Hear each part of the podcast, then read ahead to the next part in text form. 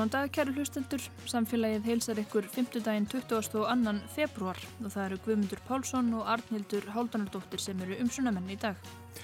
Við tölum um veðrið í samfélaginu. Með nýri tækni og aukinni sjálfvirkni hefur mönnuðum veðurskeitarstöðum fækkað mikið undan farin ár.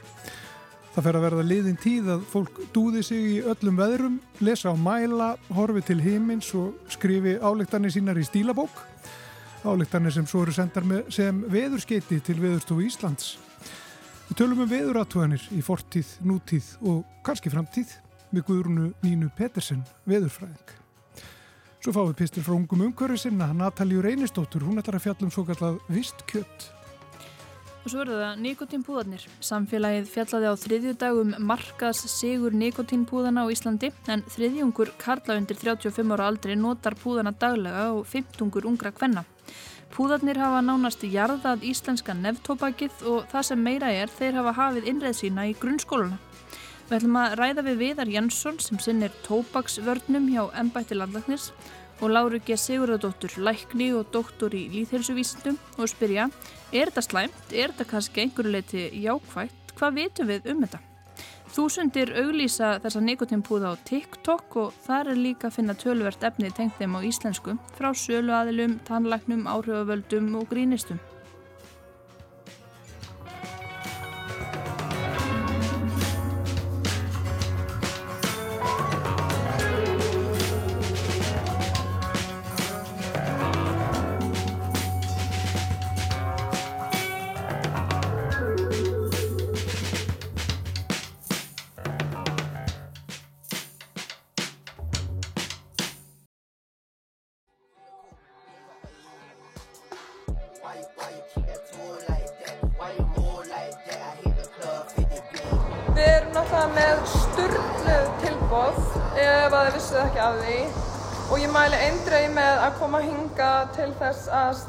Fyrir helgina eða vikuna eða mánuðin eða hvað.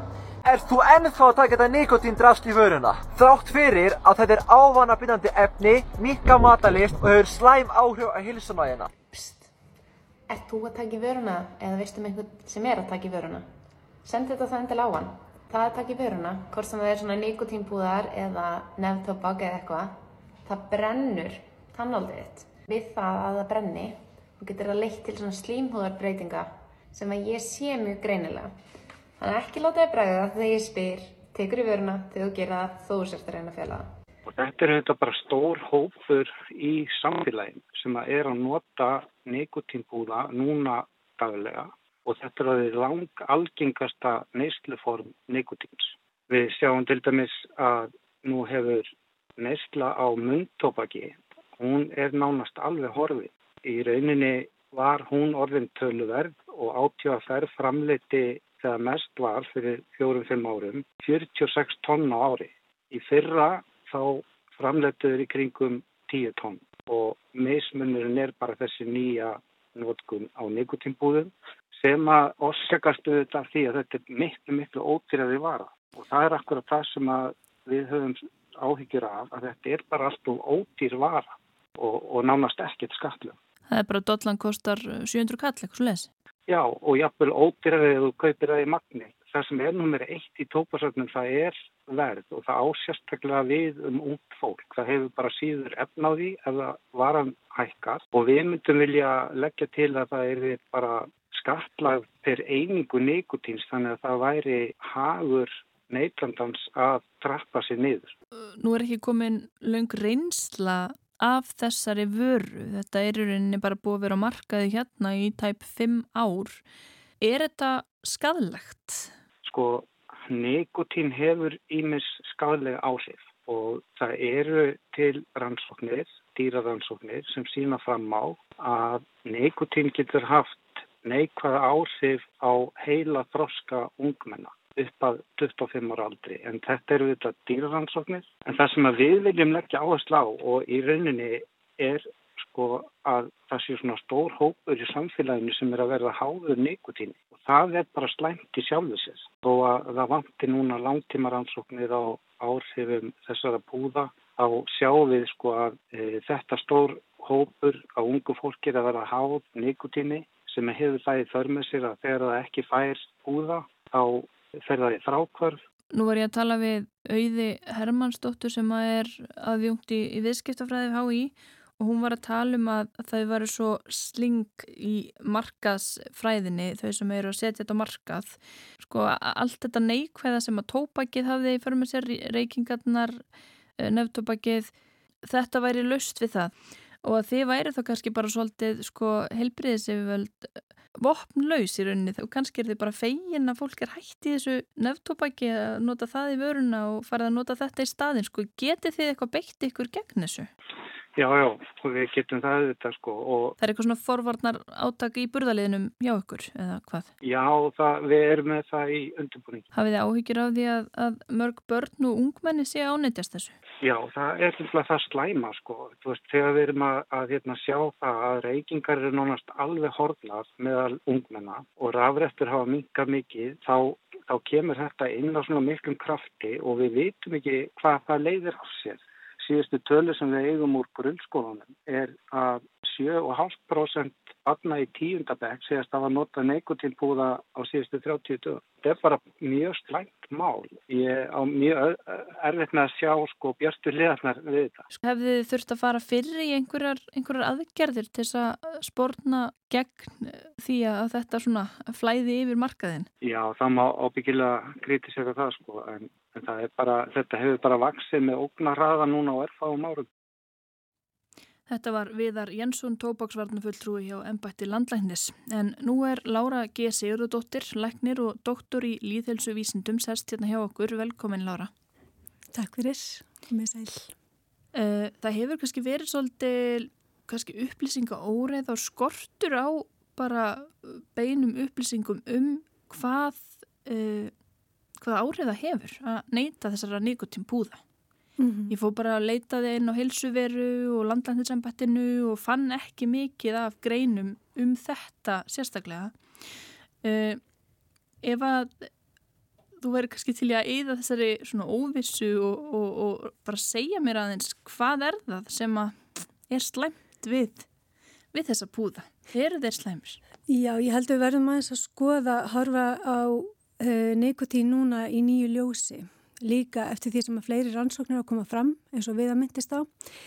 Um, það eru tilfellta rannsóknum á uh, reykingum en núna nýjustu rannsóknuna því við getum að sjálfsög ekki gert tilraunir á fólki með nikotín púða að þá eru dýrarannsóknir mikið að staðfesta svipuð áhrif á taugathroska og uh, uh, rannsóknir hjá reykingafólki hafi sínt. En það getur farið því eftir en ég, þess að um, nikotín er í raun bara eitt e, mest ávanabindandi fíknefni sem að e, maðurinn hefur komist í tæri við. Og e, það bara það að fá sér einu svona tviðsessunum getur fyrir suma valdið því að fólk veru háði í æfi langt. Og við erum að tala um fíknefni sem hefur sérstakka e, sjúkdómsgreiningaflokkun um, að e, það í raun veldur þegar það verður hröð ávanabinding þá í raun nær fólk á öndanum ekki bara njóta lífsins nema hafa nikotín sífælt við höndina. Þannig að það fyrir að allar daglegar aðtapnir sem að fólk hefur vanlega ánægja af þær verða minni nema þú hafi sífælt nikotín við höndina eða í í, í he, hérna líkamannum og það sem er, myndi segja líka það sem er aðtöklu að að borið saman við kaffi til dæmis en sambandi við nikotínu náttúrulega miklu, miklu sterkara fíknefni það mun auðveldra hægt að drekka kaffi heldur en og hefur minni frákvæmsenginu með sér í fyrir með sér. En um, Nikotíni brotna það hrætt í líkamannu niður, helmingunatímin er bara klukkutími til tveir klukkutímar þannig að það það sífælt, það er sífælt að vera að taka inn e, hérna nikotínu en margir komast að með eitt kaffipotl á dag eða tvo þú veist fyrir utan það að það hefur ekki jafn neikvæð áhrif á taugaþróska því verðist Já, þannig fólk þarf vel að bara vera með lumuna í muninum eiginlega þann daginn sko. Já, það er það sem við erum að sjá mikið eins og til dæmis inn á sjúkrásunum og í þessum unga fólki kemur að það er stöðugt, það er bara hlekkjað við nikotín og jafnvel á nætunar að vakna á nætunar til að skipta um um púða en það sem að ég myndi segja er varhugaverst við þetta og við höfum lært af rafsíkaretunum er nikotínmagnið um, við erum að sjá það að það er að koma púðar sem er alltaf samsvöndi því að reykja tíu síkartur í einu og hvað ja. þýðir það?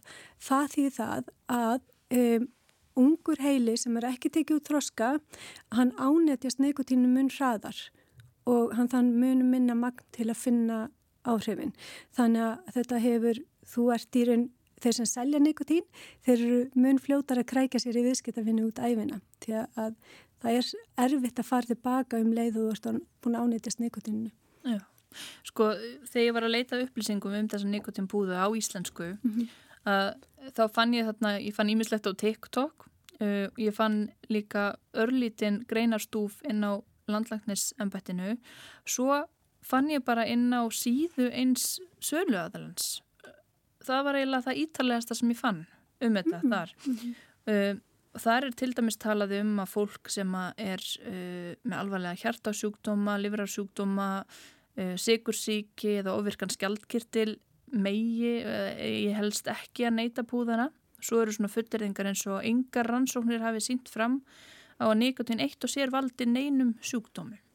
Náttúrulega að bera um, það til dæmis undir þig. Um, sko það er náttúrulega uh, til dælu að nýlega bara sem er farið að rannsaka nikotín í þessum háu styrkleikum sem að það kemur núna, er núna komið fram og það tekur ára tíi að sína fram á neikvæð ára en við veitum klálega uh, frá bæði reykingaransun og dýraransun hafi stutt það að það hefur neikvæð áhrif til dæmis á óf, hérna, uh, ófætt barn, fóstur, það getur valdið dauða hjá ungum börnum eða ungbörn komast, ungbörn hafa látist af veldur nikotíneitrunar eða kemst í púða hjá foreldur sínum.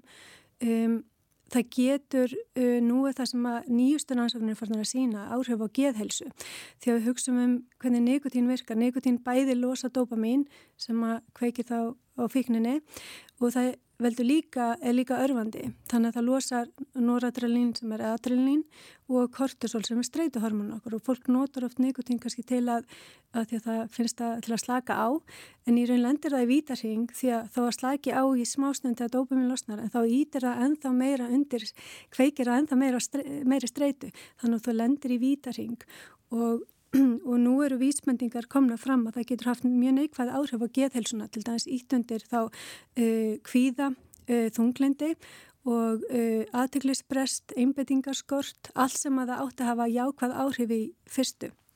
Og það er ástæð fyrir því sem að um, rannsókninu núna sína sem mjögst mjög áhugaverðar er það að við erum með svona kjarnatilfinninga, kjarnadjúft í heilanum sem kallast mandla og uh, þar verður uh, streyta þannig sé til og kvíða ótti og, og þarna líka skrást minningarnar okkar, setjum jákvæðin neikvæðin vermið á minningarnar í þennan kjartna um, og það, núna eru vísmyndingu það neikvæðin tröflar í raun uh, spóð framheilans til að draga úr virkni í þessum kjartna þannig að við erum erfiðar með að hafa um, Eh, stjórn á tilfinningum okkar og verðum hvaðvísari og eh, eigum erfiðar þannig með að takast á við streytuvaldandi aðstæður sem geta leitt oft til þunglindis og kvíða. Já, og Viðar, hann saði frá því að nýjustu aðtúanir þeirra hjá landlandhinsembættinu bentu til þess að 7% barna í tíundabekkur grunnskóla væri að nota þetta staðaldri, það síðustu mm -hmm. 30 daga var spurtum. Uh, þú nefnir þessi áhrif, sko verða þau í rauninni alvarlegri eftir því sem að fólk byrjar fyrr Já. eða yngra að nota?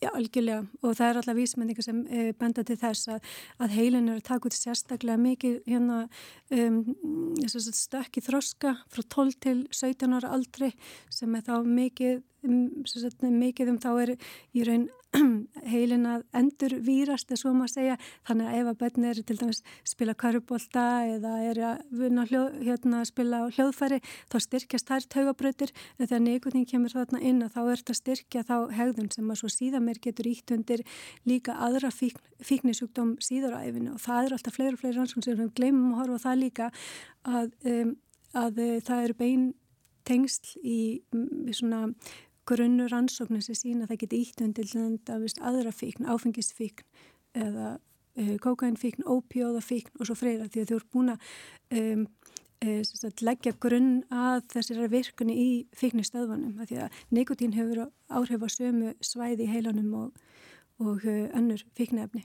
Já, búin að virka þessa fíkni brautir. Já, já, já. algjörlega. Þannig að, uh, já, uh, ég er aðeins að skoða áfram hérna þetta sem að stendur á, á síðu sögulegaðalans eins. Uh, þar er því líka haldið fram að nikotínbjörnir geti dreyið úr frákasengjunum og hjálpa fólki að hætta að reykja og að nota og geti minkað hættun á því að reykingafólk uh, byrja aftur í uh -huh. reykingum með tópaksnýst. Ja, það er enga rannsóknir á baku þessa fulleringu, skal ég segja, því að um, auðvitað mjög gott og við sjáum það alveg sumin á að hætta reykja og fara yfir púðana, þá er það vissilega gott fyrir fullortna einstaklinga og við hefum ekkert að setja móti því, en það er aðalega börnin og ungmenni sem er ekki búin að taka út fullan tögafróska sem við má ekki af og en í raun hvergi í svona reikleisis meðferð eru nikotín púðar orðin viðkjönd leið af því að það er svo hár styrkleiki á nikotíni. Þannig að þú vilt náttúrulega alltaf endunum í raun losna við fíknina. Þú veist, það er betra að vera með fíkna áfram og hætta reykja og nota púða en við erum aðalega einblýna hér á ungt fólk sem hefur aldrei reykt og aldrei verið háð fíknefnum sem er, þessi hópur er orðin mun er að stækka mjög hratt hjá okkur. Og þessi púðar þeir eru ólíkir til dæmis því sem er að kaupa í apotekinu sko, plástrum eða einhverju tyggjói og þess aftar. Já og það kemur líka svolítið óvar sko, margir er ekkert meðvitar um hvað er að takin mikið neikotín magn eða kaupið til dæmis tyggjó eða munnsókstöflur, það er svona 1 mg, 2 og jæfnvel 4 mg úr apoteki sem er svona viðkend leið til að hjálpa uh, manna losnandi neikotín fíkn en púðarnir eru sjálfnast undir 20 mg Þannig að flestir eru komnir í punkt, auðvitað yfirleitt stendur ekki eins og utan á dósinni hvað, hvað styrkleikin er. Þannig að margir áttast ekki á því eins og hvað er að innbyrða mikið nikotín magn og nikotín er í raun bara eitur. Þetta er bara, nikotín er e, skortýra eitur sem plantan framlegir til að verja sig fyrir að vera jetinn sko og var notað hér árum áður sem skortýra eitur. Já, það er mjög hugulegt. Já. En sko þetta við vitum að þetta er stórhættulegt börnum mm -hmm. uh, en hvað með fullorna getur fólk uh, jafnlað á endalust mörgum svona uh, púðum af sterkustu gerð um, á einum degi? Já, sömur er að það fara alltaf upp í 24 sko, skipta klukkutíma fresti, heyri það en ég er náttúrulega eitthvað missi átt og sömur er farin að setja tvo púða í einu þannig að það er allt í gangi en sko, nú eru líka rannsóknir sem sína fram á og nikotíni sjálft er eins og örfandi og það hefur áhrif á æðakerfi, það veldur blóðþrýstingshækkun og örvar hérslátt og, og um, það líka getur valdið því að æðarna verða stífari með tímanum. Þannig að, að nikotín hefur ekki bara áhrif, það hefur svo viðtæk áhrif líka því að æðakerfi náttúrulega e, fer til allra líffara líkamanns þannig að Já Við munum sko, það er ekkert langt síðan að það fara að tala um sko veipið eða rafrættunar. Mm -hmm. Það er bara nokkur ár síðan að, að, að það er komu. Það var kannski svipið umræð sem fór í gang þá. Algjörlega og ég, ég var um mitt fara líka Já. þessum stað en, og það sem við veitum núna, því nú erum við aðeins búin að læra meira um, um það, rafsíkartunar, er að eh, það eigur líkur að fólk fara að reykja hérna, þrísar til fjörfalt og þannig að það er ekki að koma í staðin fyrir reykingarnar og það má skýra út frá veist, að þetta er svo mikið nikotín magn og fer svo hratt í, uh, til heilan, ber svo hratt til heilans að uh, þannig að þú ert að viðhalda fíkninni og valda ég að bli meiri fíkn með þessum að þú ert að fá meira nikotín, magna nikotín í, í hérna uh, kroppin og heilan. Viðar við nefndi að hann sæi ekkert jákvægt við þetta en er, samt, sko, er þetta samt ekki skára heldur en að vera reykja? sko fyrir fullorna, jú auðvitað er það skára myndi segja að þetta væri skára heldur en að reykja og hérna en ég svo sem um, þetta er ekki leið sem ég myndi mæla með að fara til að um, verið reikleysi en, en ég veit ekki á móti því að fullari fólk er að nota þessa búða en það, það sem er komið til vits og ára en við erum talað um börnir sem eru kvatvísari af því þau er ekki framhelinni síðastu til að þroska, framhelin þurfu til að taka vitrannar ákvarðanir og um, hann þroskast ekki fyrir 25-30 mm. og þannig þess að verður við að hafa vit fyrir börnunum okkar og uh, setja almenna reglur þannig að þau sé ekki að prófa sér áfram því að þau þurfa kannski bara eitt til tvö skipti til að ánitast ævilangt Er ekki, er ekki reglur um til dæmis aldur? Er ekki aldurstakmörk? Það eru aldurstakmörk. Jú, það er það og það var líka með rafsíkurinn en það, við vitum það að það er bara að fara í kringum það og uh, það er mjög auðvelt að fá þetta núna með þess að krakkar hafa uh, keift á netinu og sett með þess að debitkort sitt sem er jafnvel með kennitölu á en samt fengið sendt heim. Þannig að það er, þetta er algjörst vilt að vest aldrei núna með þessa eh, sölu en það er líka miklu fjármunir á bakvið þannig að maður ekki gleyma því sko. Þetta er eh, gríðalegur hagnaður líkt og var með síkartureikingarnar og það sem er miklu peningar. Það er mikil heift og mikil svona e, barátt að dreifa e, sölu og varningi sem víðast. Mm -hmm.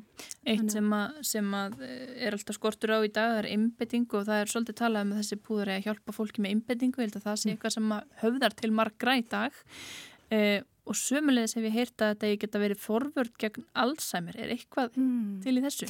Sko, já, um mitt, margir eins og tala um streitun á þann, nota þetta fyrst til að dragu streitu að þetta íti losa ræðis dopamin til að byrja með en og það er sama með innbyttinguna að þetta ígur adrenalín og, og svona um, getur aukið einbindingu til að byrja með en við erum komið alveg nógu mar marga rannsóknir núna sem sína það og að um, í til lengdar þá dregur það úr einbettingu af því að þú ert alltaf að fara í frákvörf og, uh, og þú ert náttúrulega að setja aðtenglunum svo mikið á nekotínið, vera stöðt með það og það hefur líka þessi neikvæða áhrif á dýbri svæði í heilunum sem að í raun uh, kveikja á streytukerfinu en við þurfum einbettinguna, hún kemur uh, meiri framheilunum, þannig að við erum að dragu virkni í framheilunum að endanum sem við þurfum til að fyrir góða einbettingu, þannig að þetta snýst upp í andkverju sína með tímanum.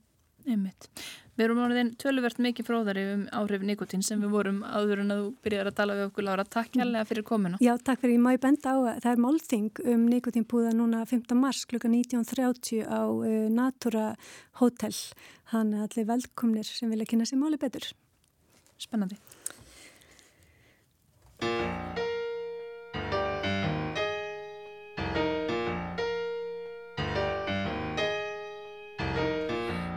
Die today, I'll be the Happy Phantom. And I'll go chasing the nuns out in the yard. And I'll run naked through the street without my mask on. And I will never need umbrellas in the rain. I'll wake up in strawberry fields every day. And the atrocities of school I can't forgive. The happy phantom has no right to bitch.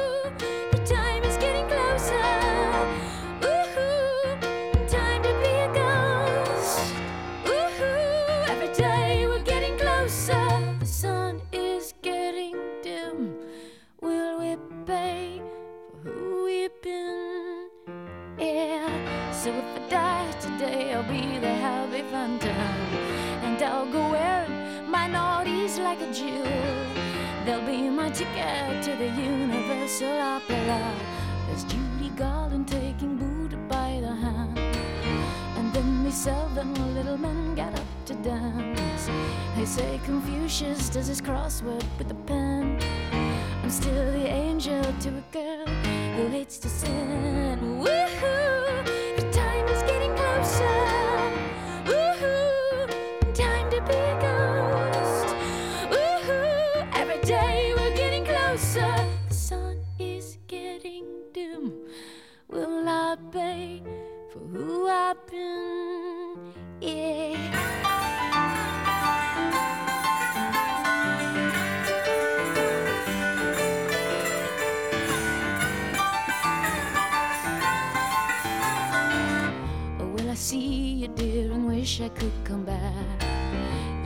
Girl that you could truly love again.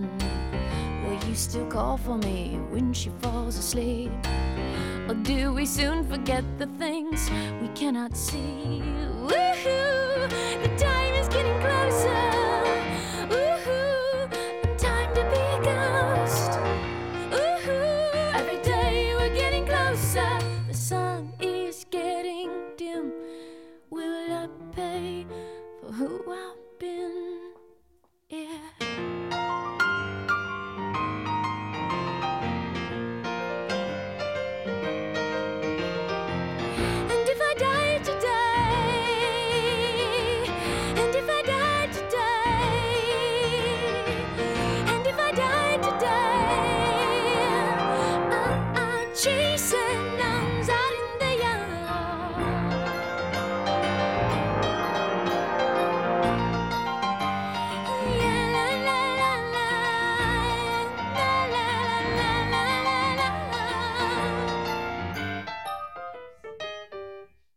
Happy Phantom með Tori Amos.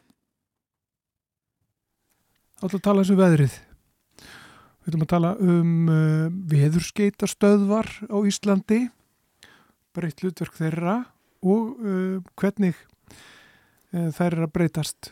Þeim hefur fækkað og er að fækka þessu mönnuðu veðurskeitastöðum og þetta er náttúrulega tæknibreitingar sem að valda þessu og kannski nákvæmari mælingar sem eru ótnar sjálfvirkar. Og hún er sérst hjá mér Guðrún Nína Petersen viðurfræðingur og viðurstofu Íslands, verður velkomin til okkar. Já, takk. Það er tilfellið að það er núna, það hefur fækkað svolítið uh, við þessu mönnuðu viðurskeitastöðum Já, þeim hefur bara fækkað gríðilega mikið. Ég meina við vorum í hérna um aldamótin vorum við með 46 mannaðar veður aðtjónastöðar þar sem að fólk fór út nokkru sinnum á sólaring og hérna ekki bara mældi vind og, og hérna og hýta og, og, og það heldur hérna einnig kýtti til, kýtti á, á skignið og skíahölu og snjóhölu og ýmislegt annað og nú eru við, ég, ég held við sem komum neyri átta. Já og núna bara upp á síkastið hefur þeim fækkað uh, svolítið mikið, það eru nokkrar sem voru aflaðar núna, er það ekki bara alveg nýlega? Jú, þar eru hérna held ég sex sem eru að detta út núna, detta út núna um áramótin eða eða á þessu ári. Uh, en það er náttúrulega, við erum veist, mikið að veðratúna fólkinu okkar er búin að gera þetta í alveg rosalega langa tíma, þannig mörgum til mér eins og breytingar að gerast þegar fólk er að hætta vegna aldurs. Þannig að þetta er ekki, þetta er ekkert sem að veðustofan eða veðufræðingar vilja, skulum hafa það á hreinu. Einmitt. En þetta er bara breyting sem að verður líka með þjóðfélagsbreytingu því að þetta er alveg rosalega bindandi starf að gera veðratúnir og þetta hendar kannski ekki alveg í því þjóðfélag sem við erum komin í núna. Að hérna, þetta hendaði rosalega vel þegar fólk var bundið yfir eins og hérna e, yfir kúm, þú þurftur að vera heima alla daga og þá munaður ekkit um að gera viðratögunir nokkur sem er viðbót líka. En, en núna búum við bara í þjóðfélag þar sem að þessi binding er, ekki eins, eins auðvelt Og hvernig voru þessar viðarskiptastöðar hérna áður fyrir sko, hvaða mælar voru og, og hvernig var veðrið tekið.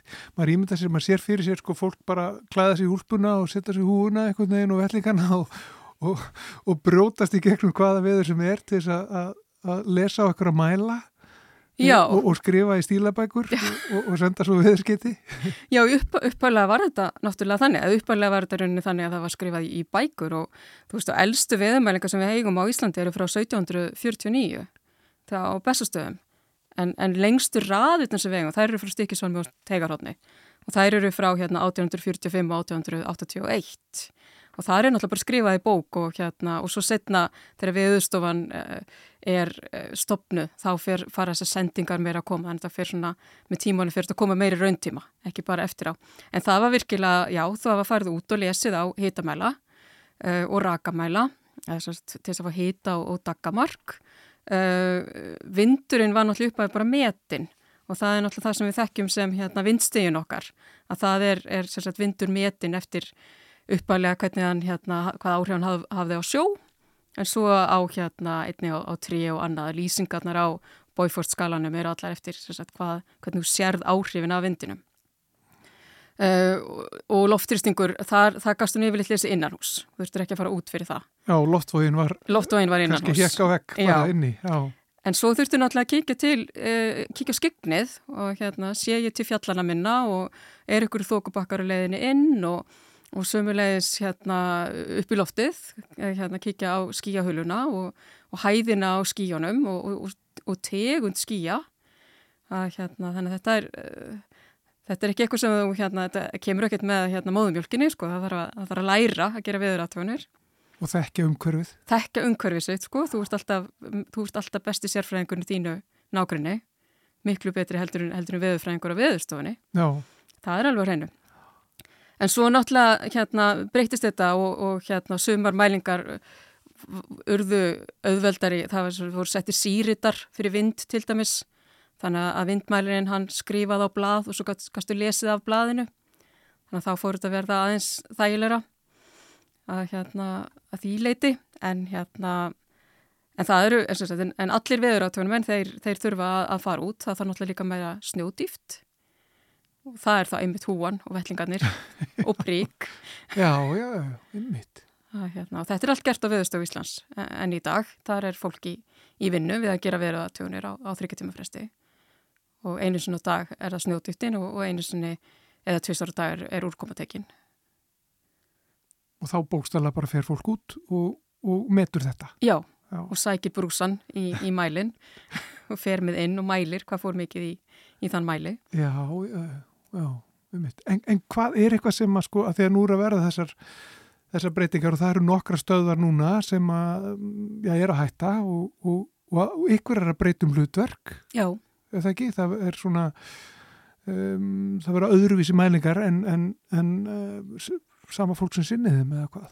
Já, en það er miklu, sagt, það er miklu minna sem þarf að gera. Uh, sagt, það eru sumar af eh, hérna, skeitastöðanu, það er verða sagt, taka við hlutverki sem úrkomustöðvar og það er þá hérna Þær þurfa þá að mæla úrkomu uh, að mista kosti einu sinu dag, þá þá er yfirleitt nýju á mótnana.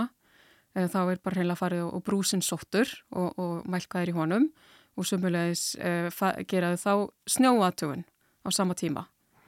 Og, og þetta er þá oft bara fært í bók og svo sendt inn í lok, lok mánaðarins eða, eða fært inn í, inn í kerfi líka en, en þetta er ekki svo að þetta eru kannski ekki upplýsingarna sem þú ert að nota í rauntíma, heldur er þetta til þess að hafa yfir sín yfir veðu farið og, og breytingar á því.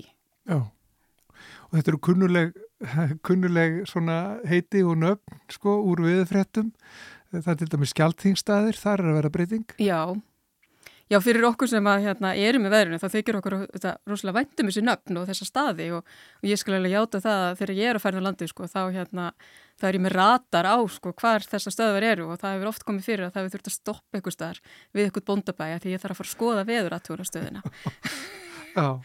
Já. Uh, og hérna þannig að það er alveg vonlust að fara með mér um landi á þess að ég minnstu kosti láti fólku vita hvar þar eru En það eru líka verið breytingar á Akureyri, þar hefur löggan í mörg ár uh, verið með veðuratúanir.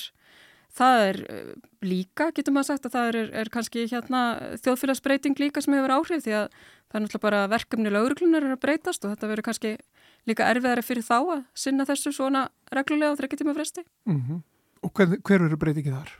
Já, verðu, þeir verða með eh, hérna, sjálfvirkamælingar, það er, sjálfvirkur, það er komið sjálfvirkumælur á uh, á Krossanesi og hérna og, og svo verður bætt aðeins við mælum við sjálfa lauruglustöðina en, en hún, eftir að, að sjálfvíkastöðin kom upp á Akureyri þá hefur hún lauruglustöðin svolítið verið hérna, svona, hefur haft minna vægi þegar til dæmis þegar kemur að vindi því að hún er svo rosalega inn í bænum hún er svo umkringt Við þekkjum það sko, það er alltaf gott viðurar Já, er já. það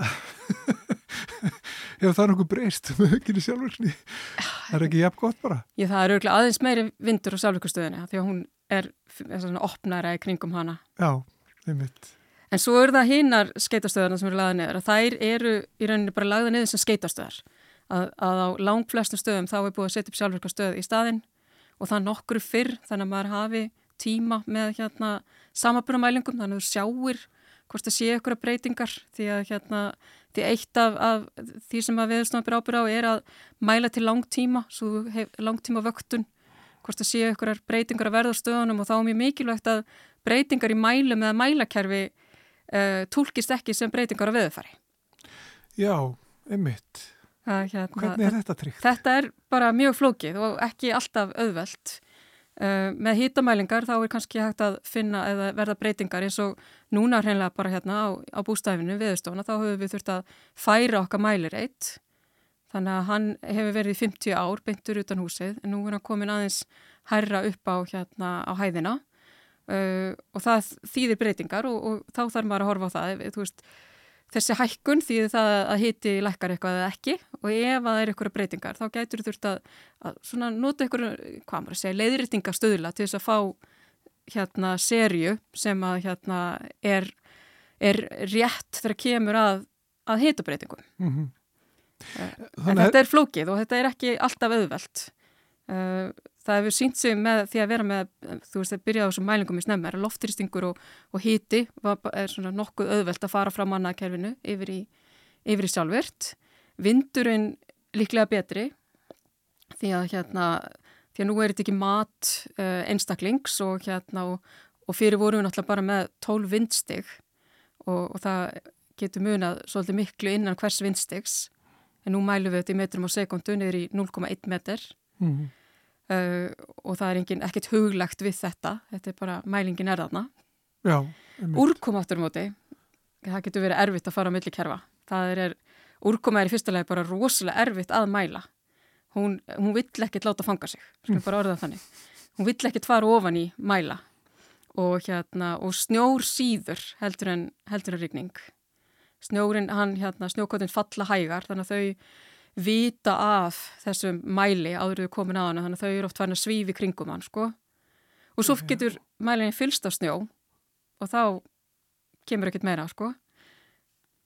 Að hérna og, og, og vindur e, hann hérna enn einn áskorinu þegar kemur að, að úrkomvælingum því að við vitum það að, að, að lárétt rigning er eitthvað sem við Íslendingar þekkjum mjög vel. Og hérna hún er, er gjötn á að reyna að komast hjá því að, fangast í, í mæla. Já, já, já. þannig að því meiri vindur því erfiðar er að mæla úrkomuna. Er, þannig að upp til hópa er þetta bara mjög mikil áskorun að mæla úrkomu og hérna og í sjálfvirkninni þá þýðir það að það, það þarf einhver að fara yfir þetta sem hefur einhverja þekkingu og, og hérna og skilur hvað gæti verið að hér og þar. Já En þegar að sko þetta verður svona sjálfvirt við munum ennþá, þetta er ennþá á sömu stöðunum til þess að halda seríunum, til þess að geta ja, eh, hafa viðmiðið og, og eiga söguna. Og, og, og geta metið einhvern veginn viðfarsbreytingar og þess aftar. Við munum ennþá heyra, sko það er ennþá sömu, það er nautabú og það er litla hávík Já, og, og fyrirnöndi skjáltingstæðir og svo fráhengis. Við erum með svona, ég held, ég held að séu 33 stöðvar sem eru skilgrindar sem líkil stöðvar þegar kemur að þessum langtíma mælingum og, hérna, og þeim er náttúrulega drift um, um landið og, hérna, og þar er sagt, meiri áhersla enn annar staðar á það að það sé ekki verið að færa stöðina til Já. til þess að halda rauðinni sem bestri. Tapast eitthvað við þetta að, að vera ekki með mannesku sem er að gáti við þess og, og átt að segja að það er úrkoma í grend og svo framviðis. Jú, jú, jú, það, það tapast hlutir. Það er alveg á, á hreinu. Það, það er sumt sem að mannakerfi gerir betra og sumt sem að sjálfurkakerfi gerir betra. Uh, ég myndi segja að ef maður ætla að byrja á einhverju varandi það sem maður saknar þegar maður missir mönnu aðtöðurnar, það er til dæmi skíjahulan og, og skíja aðtöðurnar því að við erum náttúrulega með einhverju sjálfurka mæla sem geta mælt það en þeir mæla, þeir horfa bara beint upp og þeir sjá aðskaplega lítið svæði. Meðan hérna mönnuð aðtöðunar þar ertu náttúrulega bara með fólk sem horfir í, í kringum sig, í allar áttir. Og það sama hefur með skigni skigni er bara mælt yfir mjög lítið svæði með sjálfurka mæli en, en sagt þannig að skigninsmælir sér ekki þókubakka sem er að nálgast utan að sjó. Mm -hmm.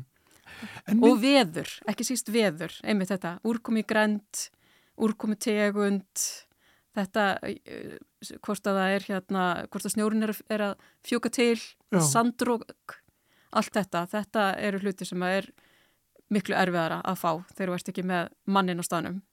En veðratanir á, á sjó? Og, og lýsingar, veðurlýsingar á, á miðunum og... Já, Kringulandi, er, er það, er, fáið þið skeiti henn þá? Við fáum eitthvað skeiti, Þau, uh, fáum eitthvað aðeins en, hérna, en svo er náttúrulega uh, önnur þróun sem er orðið á sama tíma er það að veðurlíkun og, og öldurlíkun hafa, hafa elvst mjög mikið.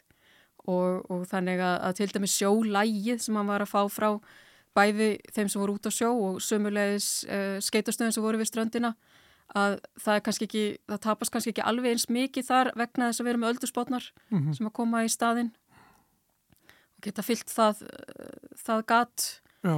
og svo eru sum veðutunglinn, þetta, þetta er alveg geggjar mælingar sem að fást maður stundum bara, bara næri ekki andanum yfir hvað tæknin hefur náð þannig að með, við getum sérstaklega mælt uh, vindtraða yfir sjó með veðutungli lengst út í geim sem horfur á minnstu öldunar á, á, á sjónum og getur út frá því hérna meti vindræða þannig að þetta er alveg, þetta er alveg magnaðar upplýsingar að fá.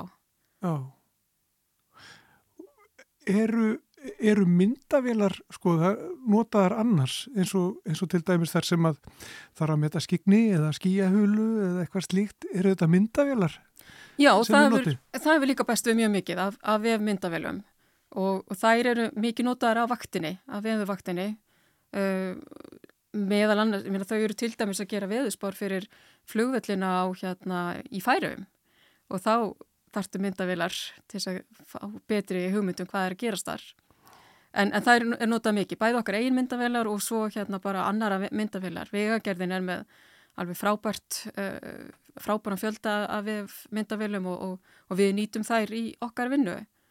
Alveg hérna, alveg út í istu æsa sko, en En, en vissulega þegar kemur að einhverju myndgreiningu og, og nota gerfi grein, greindið eitthvað til að vinna gögg til, til að eiga þá höfum við ekki, ekki náland þar. Nei, einmitt.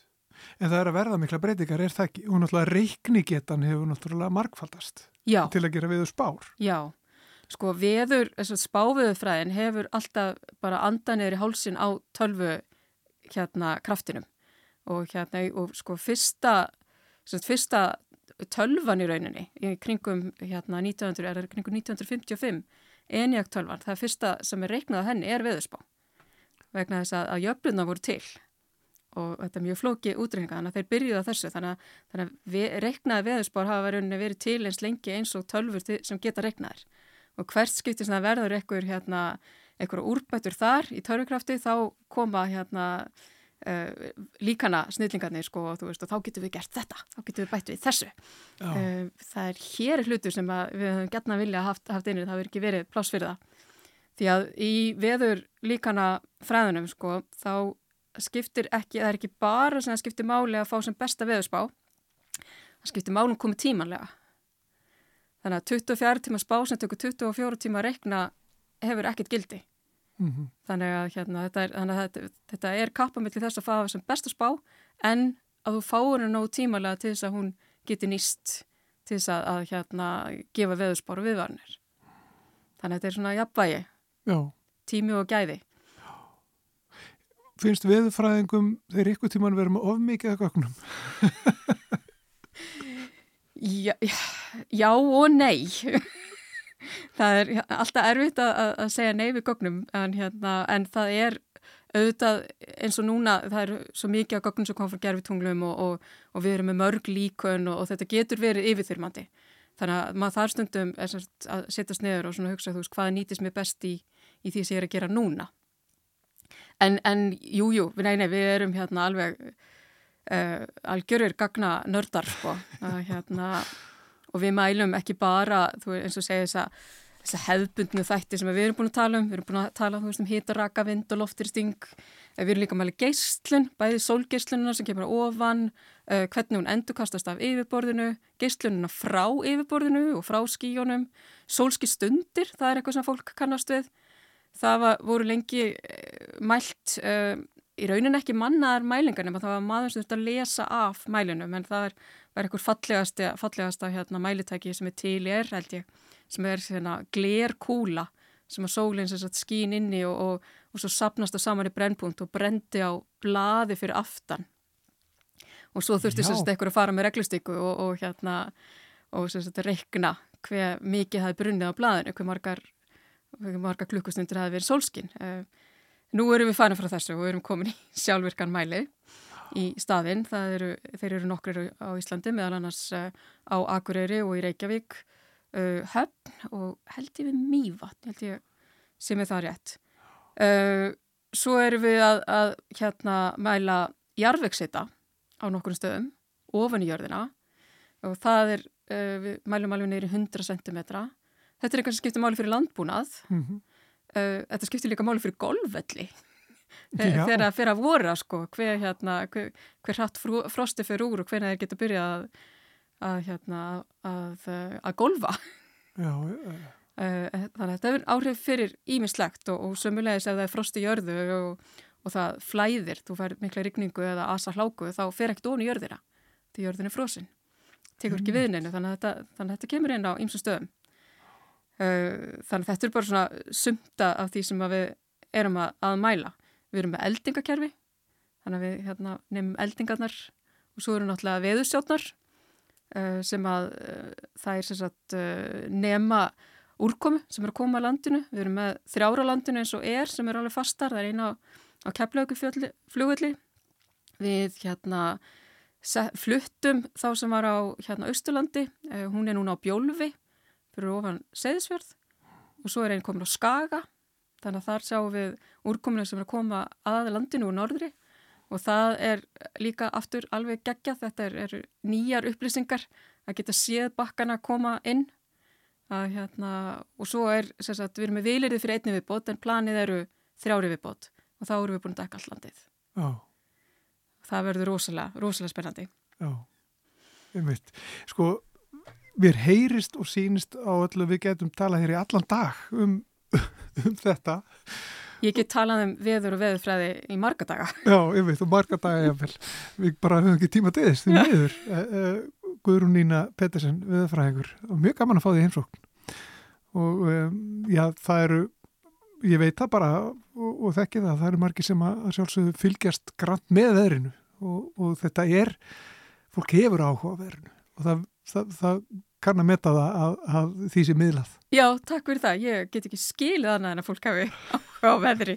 Hvað, hvað annað? takk fyrir góðuna. Já, takk fyrir mig.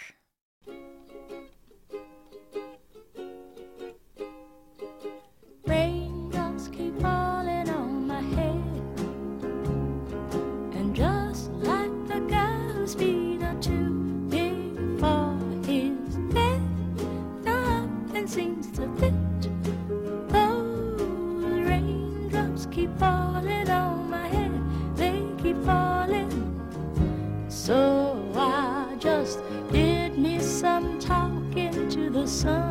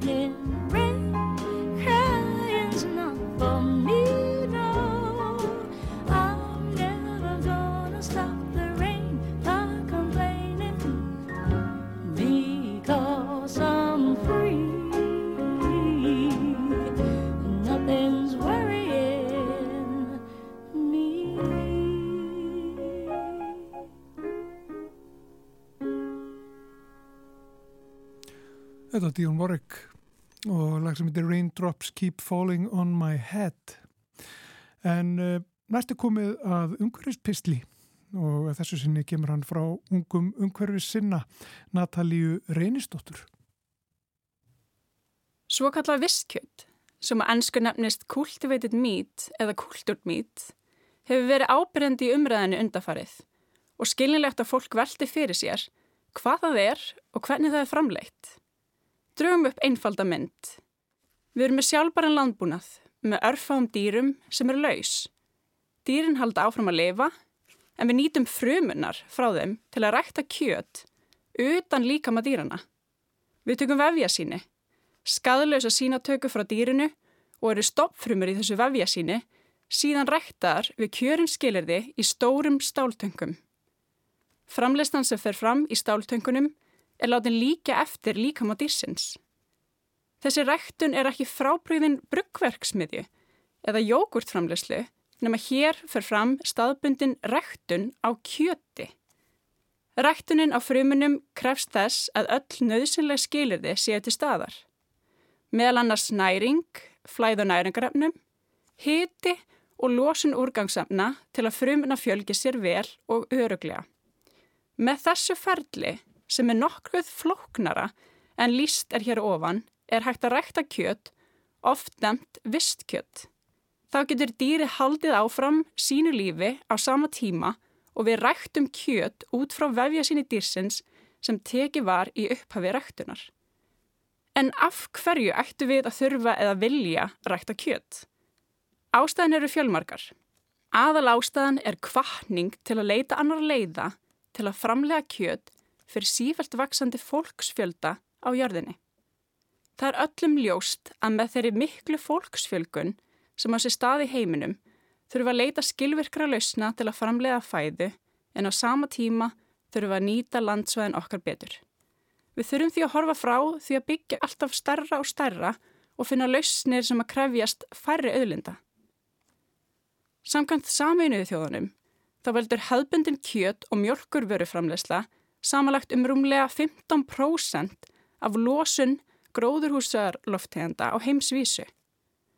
Vistkjött myndi valda minni losun á gróðurhúsarloftegundum og getur almennt dreyið verulega úr þeim neikvæðu áhrifum sem hefðbundin landbúnaðar hefur á umhverfið. Til dæmis með því að stuðlað aukinni dýravelferð, sporna gegn eyðingu regnskóa og fara betur með auðlindunar okkar, svo sem landsvæði og vatn.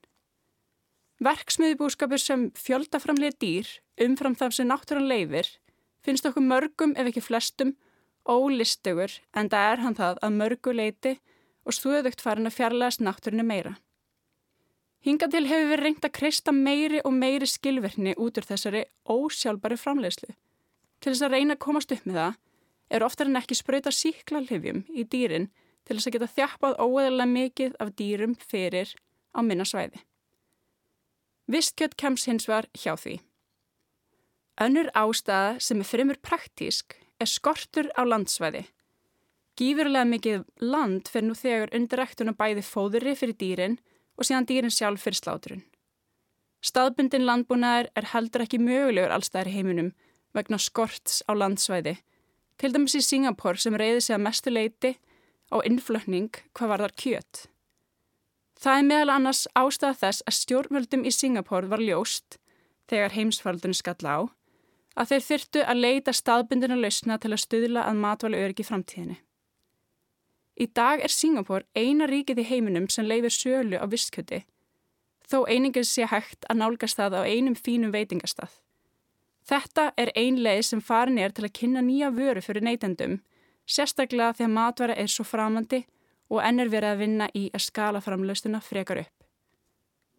Síðast en ekki síst er viskjöld laust fyrir smitt sem koma reglu upp með almennri búfjárrækt. Nú er ekki langt síðan að til dæmi skinga var kallið inn vegna listerjusmitts sem oft er orsakavaldurinn á innköllun og kjöti á samt salmoninu. Hvað er síðan framöndan? Þó að við leitum óþreyfull af nýjum lausnum þá munum við hins vegar alltaf koma til með að halda áfram landbúnaði þá vonandi á sjálfbæriri og skinsamleiri hátt. Lífrænt rækt af kjött framlýtt í hefðbunum landbúnaði gæti staðin orðið að meiri munaðvöru. Búskapur er ekki að fara neitt og svo þróun sem verður gerist ekki bara á einni nóttu. Það væri óskandi ef visskjött gæti þó komið í stað eitthvað sluta af þeim stóra og mengandi verksmiðjubúskaps sem hefur bæði slæm áhrif á umhverfið og dýravelferð nú þegar. Þróunu vistkjöti hefur þó farið rætt fram undan farin ár, meðal annars með auknu fjármagni og þróun á öðrum sviðum sem skila sér inn í þá tækni sem vistkjött byggist á. Nú er ekki langt síðan að fyrsta smökkun á visskjöld í Evrópa átti sér starf á Íslandi og er það frábært skref fram á við.